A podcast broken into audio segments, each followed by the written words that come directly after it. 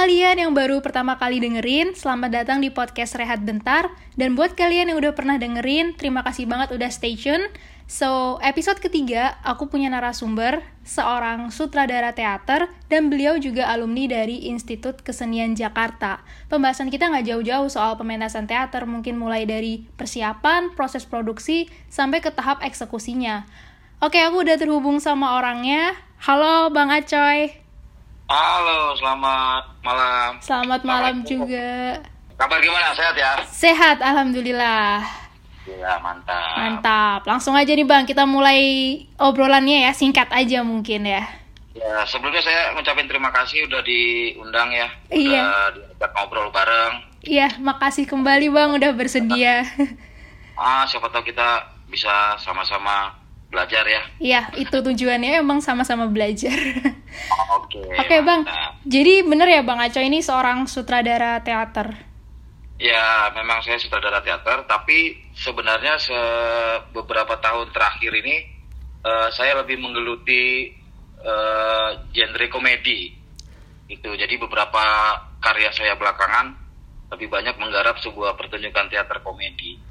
Oh, jadi eh, teater sendiri juga genre-genrenya banyak. Mungkin emang sebelum komedi lebih ke genre apa itu Bang? Eh, tragedi, tragedi. Jadi eh, kalau saya ini punya basic eh, teater realis, Iya. alirannya teater realis. Cuman genre yang saya pelajari itu cuma bukan saya pelajari ya, maksudnya saya dalami itu cuma tragedi dan komedi. gitu. Oh, berarti ini ya sekarang akhir-akhir ini lagi fokus ke komedinya. Ya, karena beriringnya waktu saya lebih tertarik sekarang ke arah eh, genre komedi gitu. Biasanya kalau misalnya lebih ke genre komedi berarti emang humoris nih tipik tipikal Bang Aco ini. Enggak, saya kebetulan tidak humoris orangnya, cuman banyak yang bilang lucu aja. Tuh kan merendah diri aja biar ya mungkin orang lain beranggapan lucu tapi Bang Aceh sendiri enggak. Iya, ya kebanyakan orang begitu biar orang lain yang nilai. Gitu. Makanya bener-bener. Dari kapan tuh Bang udah mulai jadi sutradara? Saya mulai menyutradarai itu tahun 2008 kalau nggak salah. Wah, udah 10 tahun lebih ya? Ya, ya lebih kurang segitulah. Iya, udah udah lebih sih. udah udah lebih ini udah 2020. 2019. 2019 kenapa? Ya itu itu terakhir kali saya eh, karya terakhir yang saya sutradarai. Oh, iya iya iya. Jelas ini ya, Bang. Kan beda itu antara sutradara film dan sutradara teater. Ya beda-beda betul. Kenapa dulu Bang Aca lebih minat ke teater daripada perfilman? Mungkin kan yang lebih diterima di masyarakat umum, maksudnya yang lebih apa ya, lebih dikenal itu kan dunia perfilman daripada dunia teater. Kalau saya berpendapat bahwa dunia teater itu punya apa ya kenikmatan tersendiri gitu. Iya.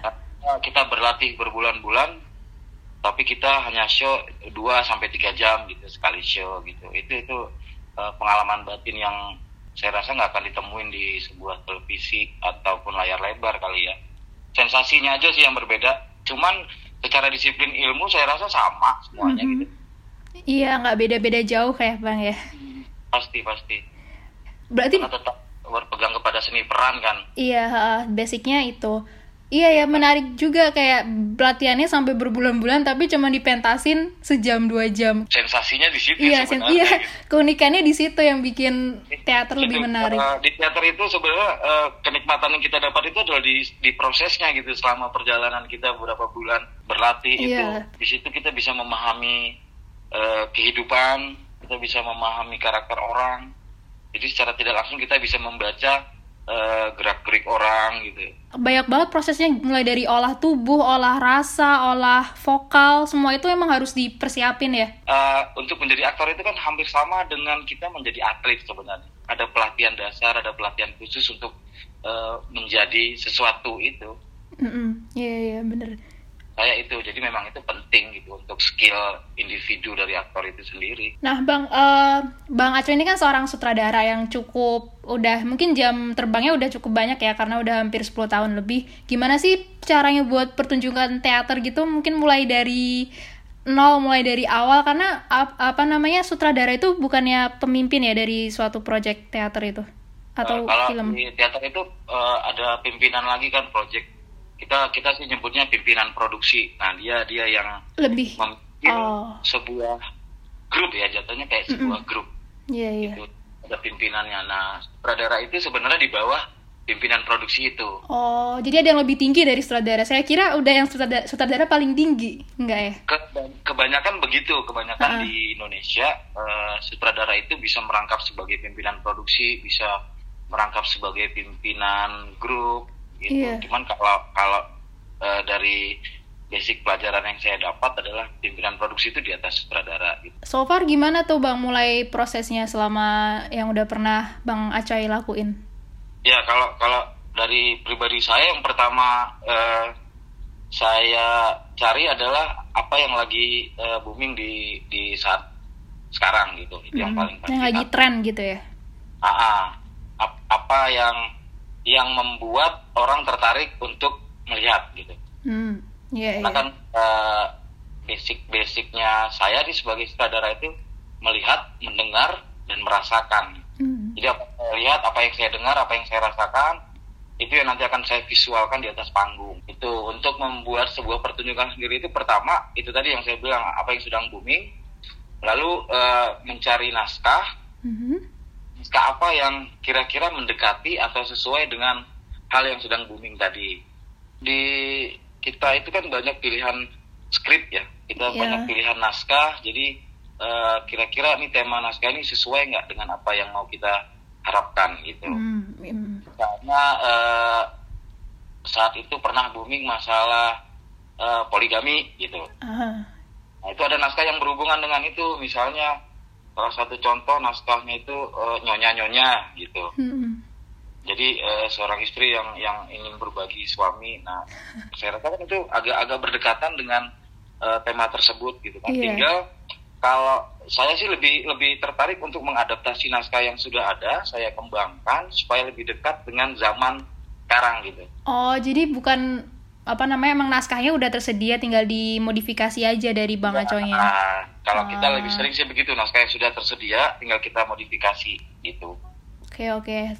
Lalu setelah naskah dapat, baru kita eh, tahap berikutnya itu lebih eh, ke arah casting.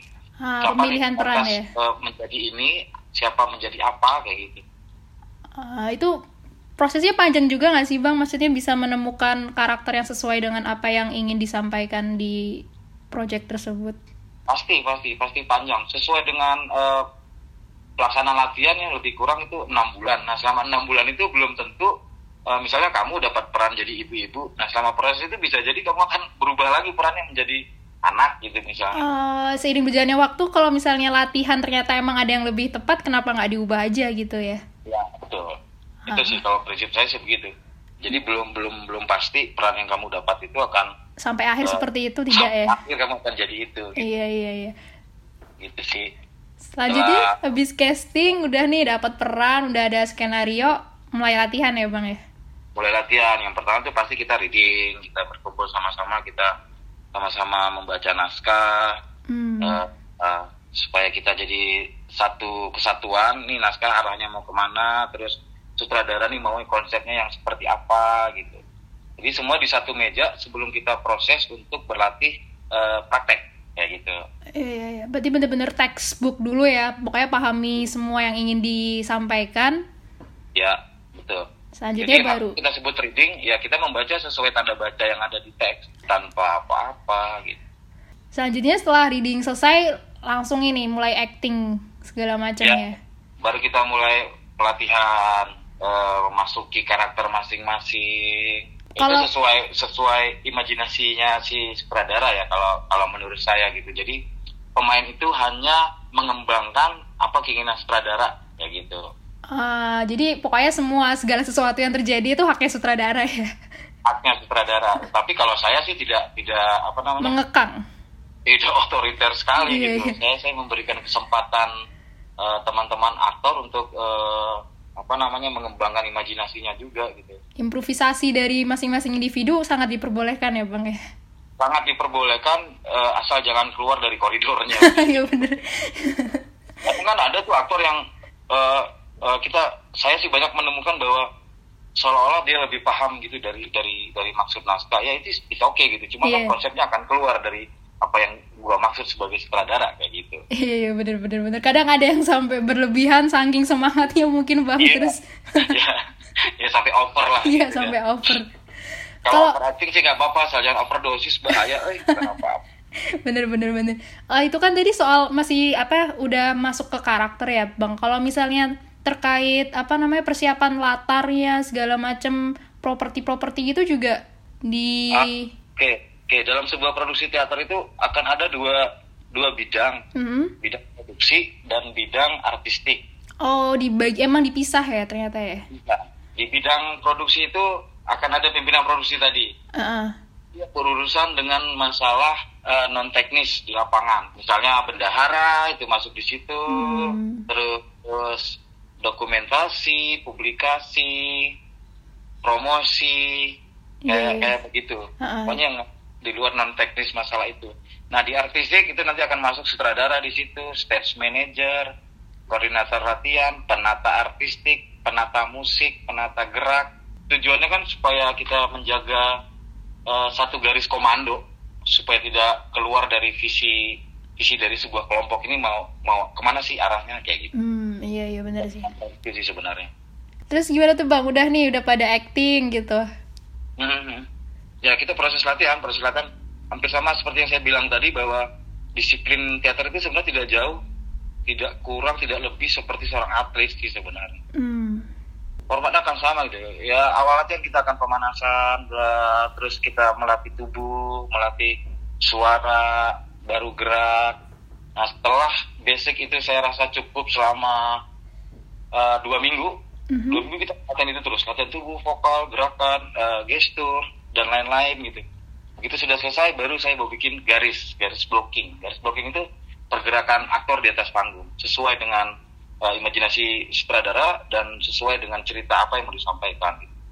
Itu Tetap semacam tujuan, tujuan utamanya sih bagaimana caranya pesan moral naskah ini sampai ke penonton. Eh, jadi selama habis dua minggu itu sutradara jelas kayak melakukan evaluasi kira-kira mungkin ada yang mau diperbarui atau enggak gitu kali ya. Pasti, pasti. Kalau saya sih evaluasinya bukan per dua minggu. Setiap latihan akan selalu ada evaluasi. Oh saat itu juga nggak cocok langsung tuker. Saat itu juga. Jadi kesalahan hari ini tidak akan terulang di kesalahan selanjutnya. Waduh, mantap, bener-bener banget. Kira-kira paling singkat berapa lama tuh pernah apa proses persiapannya paling singkat? Kalau saya itu yang paling singkat itu ini yang terakhir nih karya karya yang terakhir. Yang 2019 ya? Cuman empat bulan.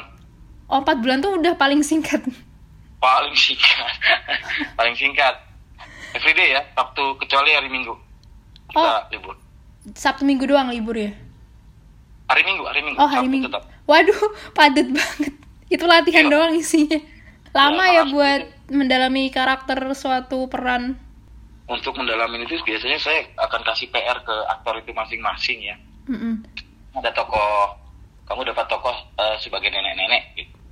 Nah kamu akan saya kasih PR kamu cari eh, eh, tokoh nenek-nenek di dekat kamu entah di mana pun kamu dapat. Nah kamu dalami dulu itu karakter dia, cara jalannya, cara dia cara, cara duduk. Dan itu biasanya eh, itu kita kasih kelonggaran latihan itu eh, kita nyebutnya itu observasi 2 sampai tiga hari kamu harus kalau bisa nginep sama dia silahkan langsung gini ya dengan wujud aslinya biar langsung kena gitu. Betul. kecuali yang tidak ada wujud aslinya ya pergunakan Media. memori yang sudah kamu dapat selama hidup kamu Iya, gitu iya. dengan menciptakan tokoh imajinasi kayak begitu sih makanya itu eh, saya bilang saya tidak terlalu otoriter dengan karakter yang akan diciptakan gitu Hmm. supaya mereka juga melakukannya enjoy Iya nggak tertekan. Ya nggak tertekan nggak seperti eh, robot gitu makanya proses saya dalam mentradara itu ya kuncinya ya kita sama-sama belajar gitu Iya iya benar sekali tuh bang. Kalau setelah semua udah beres, gimana tuh proses eksekusi di hari H pertunjukan? nah itu tugas sutradara sudah selesai sebelum Hamin tiga Oh, Hamin tiga kayak udah bungkus gitu ya, udah ready Terus, buat. Nah. iya, sutra- sutradara duduk manis di bangku penonton nah itu tugasnya state manager Oh, udah kelar tuh ya tugas sutradara. Ya, stage manager itu kan tinggal masalah teknis, mm -mm. semua sudah kemas, tinggal menjalankan uh, teknisnya aja supaya pertunjukan berjalan lancar. Keluar mm. masuknya set, properti, keluar masuknya pemain, nah itu yang ngatur semua stage manager. Aduh, sutradara tinggal duduk manis me, ini ya menyaksikan jerih payah persiapannya kemarin-kemarin. Bangku penonton, itu sutradara sudah tidak punya hak lagi. Wah, kayak seru banget sih bang. Kayak saya tuh lupa-lupa inget pernah nonton teater atau enggak ya. Karena kadang saya juga bingung gitu loh, ini kategorinya teater atau bukan. Ya, kamu harus harus nyobain sih sebenarnya. Sensasinya beda banget di saat kamu nonton film di bioskop yeah. sama menyaksikan langsung live teater tuh wow luar biasa sensasinya iya lihat kayak dulu tuh saya pernah nonton semacam apa ya pertunjukan gitu peran-peran itu tapi boneka apakah itu disebut teater juga Hmm, uh, teater boneka. Itu Ada ya teater boneka. Ah, teater boneka. Ah, iya iya. Makanya saya lebih memilih uh, realis gitu. Lebih. Realis itu uh, ya kehidupan nyata yang iya. dipindahin ke atas panggung udah kayak begitu. Lebih relate ya sama individu-individu yang nonton. Lebih ringan, jadi pesan moral akan sampai pasti ke penonton. Hmm. Kenapa sih komedi? Ya karena ya orang hidupnya udah tragedi terus kita jangan ngajin tragedi lagi dari panggung gitu. Jadi berharap penonton yang datang pulang tuh dengan senyuman gitu. Merasa terhibur dengan teman-teman. Kalau gitu. kalau Bang Aco sendiri kan tadi saya sempat cari tahu hmm, Bang Aco itu juga alumni dari IKJ ya? Iya, iya betul berarti pernah nggak sih Bang ada pengalaman jadi pemain teater Oh pernah pernah pasti. Ya sebelum sebelum saya jadi sutradara iya. memang jadi pemain teater dulu. Gimana tuh bang? Uh, enakan mana antara main depan layar sama belakang layar? Enakan di depan layar. Wah kenapa? Apresiasinya lebih tinggi untuk pemain daripada sutradara. Loh justru sebenarnya kalau nggak ada sutradara, apresiasi yang akan diterima oleh pemain juga tidak ter tidak diperoleh gitu kan? Enggak, kita kan ngomong sensasi setelah. setelah. Iya sih, bener-bener.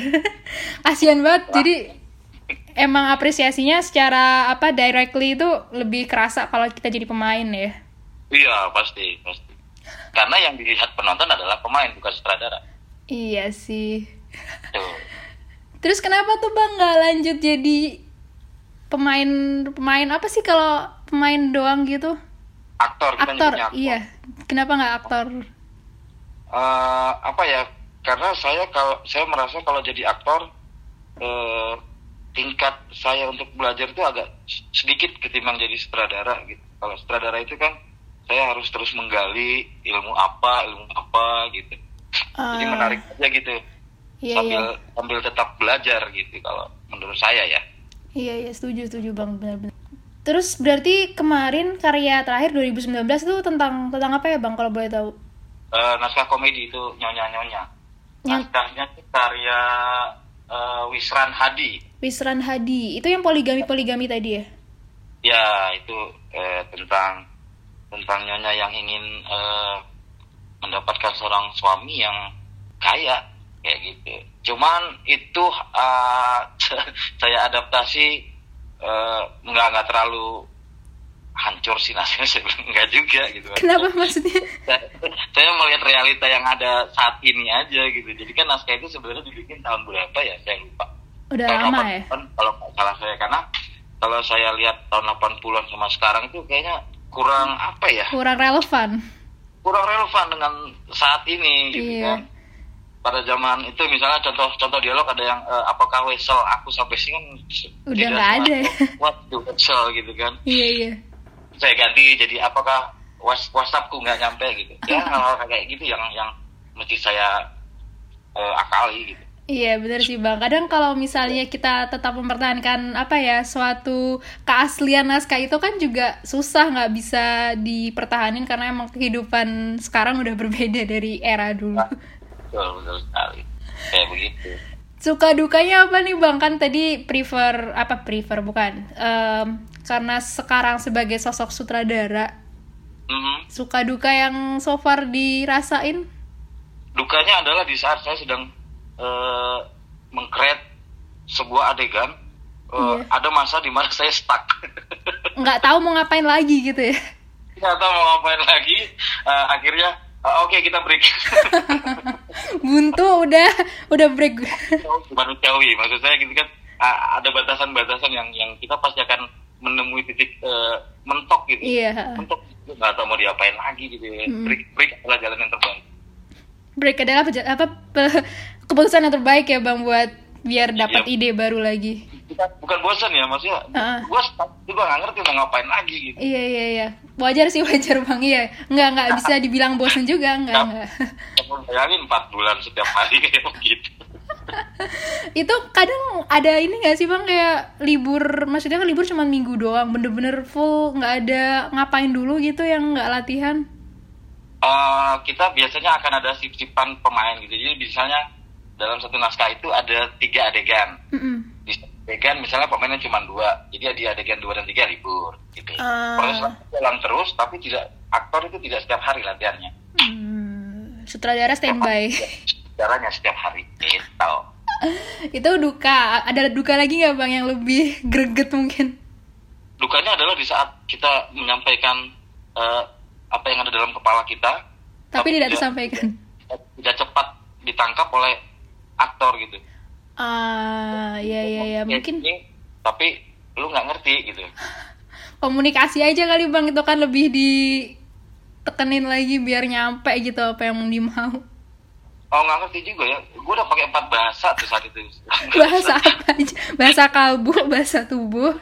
Setelah gue evaluasi diri gitu. Oh mungkin dia juga dalam keadaan stuck. Ya udahlah sama-sama belajar. Balik lagi tadi ke tujuan awal. Itu salah satu poin belajar yang gue dapet. Iya iya iya. Bener-bener bang benar ya. Kalau suka ya? yang asik adalah apa? Kita mempelajari kehidupan. Iya bener bang. Kan kalau teater apa acting segala macam tuh ya balik lagi tentang kita gimana caranya menerima apa ya melihat uh, kehidupan dari persepsi yang berbeda iya benar benar sekali sukanya apa bang sukanya adalah di saat uh, penonton berdiri dan bertepuk tangan. Wow. Ya, standing applause. Standing applause ya, itu apresiasi yang unforgettable ya, moment saat itu ya. Aduh, itu itu nikmat banget gitu. Kita kamu harus nyobain ya.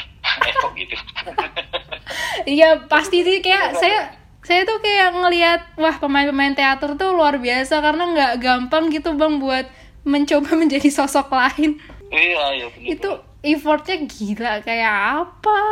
ya karena kita punya prinsip bahwa kalau kamu mau jadi aktor uh, sekedar atau total udah pilihannya cuma itu sekedar atau total bedanya ya. Kalau kamu sekedar ya kamu nggak jadi apa-apa. Kalau kamu total kamu akan jadi aktor. Ah gitu. iya iya bener bang wah menarik sekali bang. Ntar kapan-kapan deh saya nonton. Pasti pasti. Nanti kamu pasti saya undang. Waduh dapat golden ticket ya VVVIP paling depan. Oh enggak. Kamu duduk di atas panggung saya. Ngapain di atas panggung? Saya ngalangin ini dong ngalangin pemain-pemain yang lain oke okay, ya, bang kita kita bisa berkolaborasi kan pernah tahu. Saya kalau melihat saya lebih suka di belakang layar sih bang jujur. Ah oke okay, boleh boleh. Nanti kamu boleh bareng-bareng uh, gimana sih cara nyutradarain itu? Waduh boleh banget nih. Makasih banget bang waktunya sama cerita-ceritanya gila luar biasa. Kayak wow seru banget bayangin jadi seorang sutradara yang apa namanya pekerjaannya setiap hari liburnya juga cuma minggu doang dan harus kerja sama sama banyak orang nggak gampang buat seperti berurusan itu. banyak kepala iya makanya berurusan dengan banyak kepala dan belum lagi kalau udah stuck oke okay, bye say goodbye to everyone oke okay, bang thank you banget ceritanya ya bang Aduh, sama-sama Kak Nisa. Thank you juga udah diundang ya. Iya, oke. Okay. Semoga bermanfaat buat yang lagi dengerin dan kita sama-sama belajar. Amin, amin. Oke. Okay. Terima kasih, Bang. Saya tutup ya. Oke. Okay. Terima kasih banyak. Dadah. Dadah.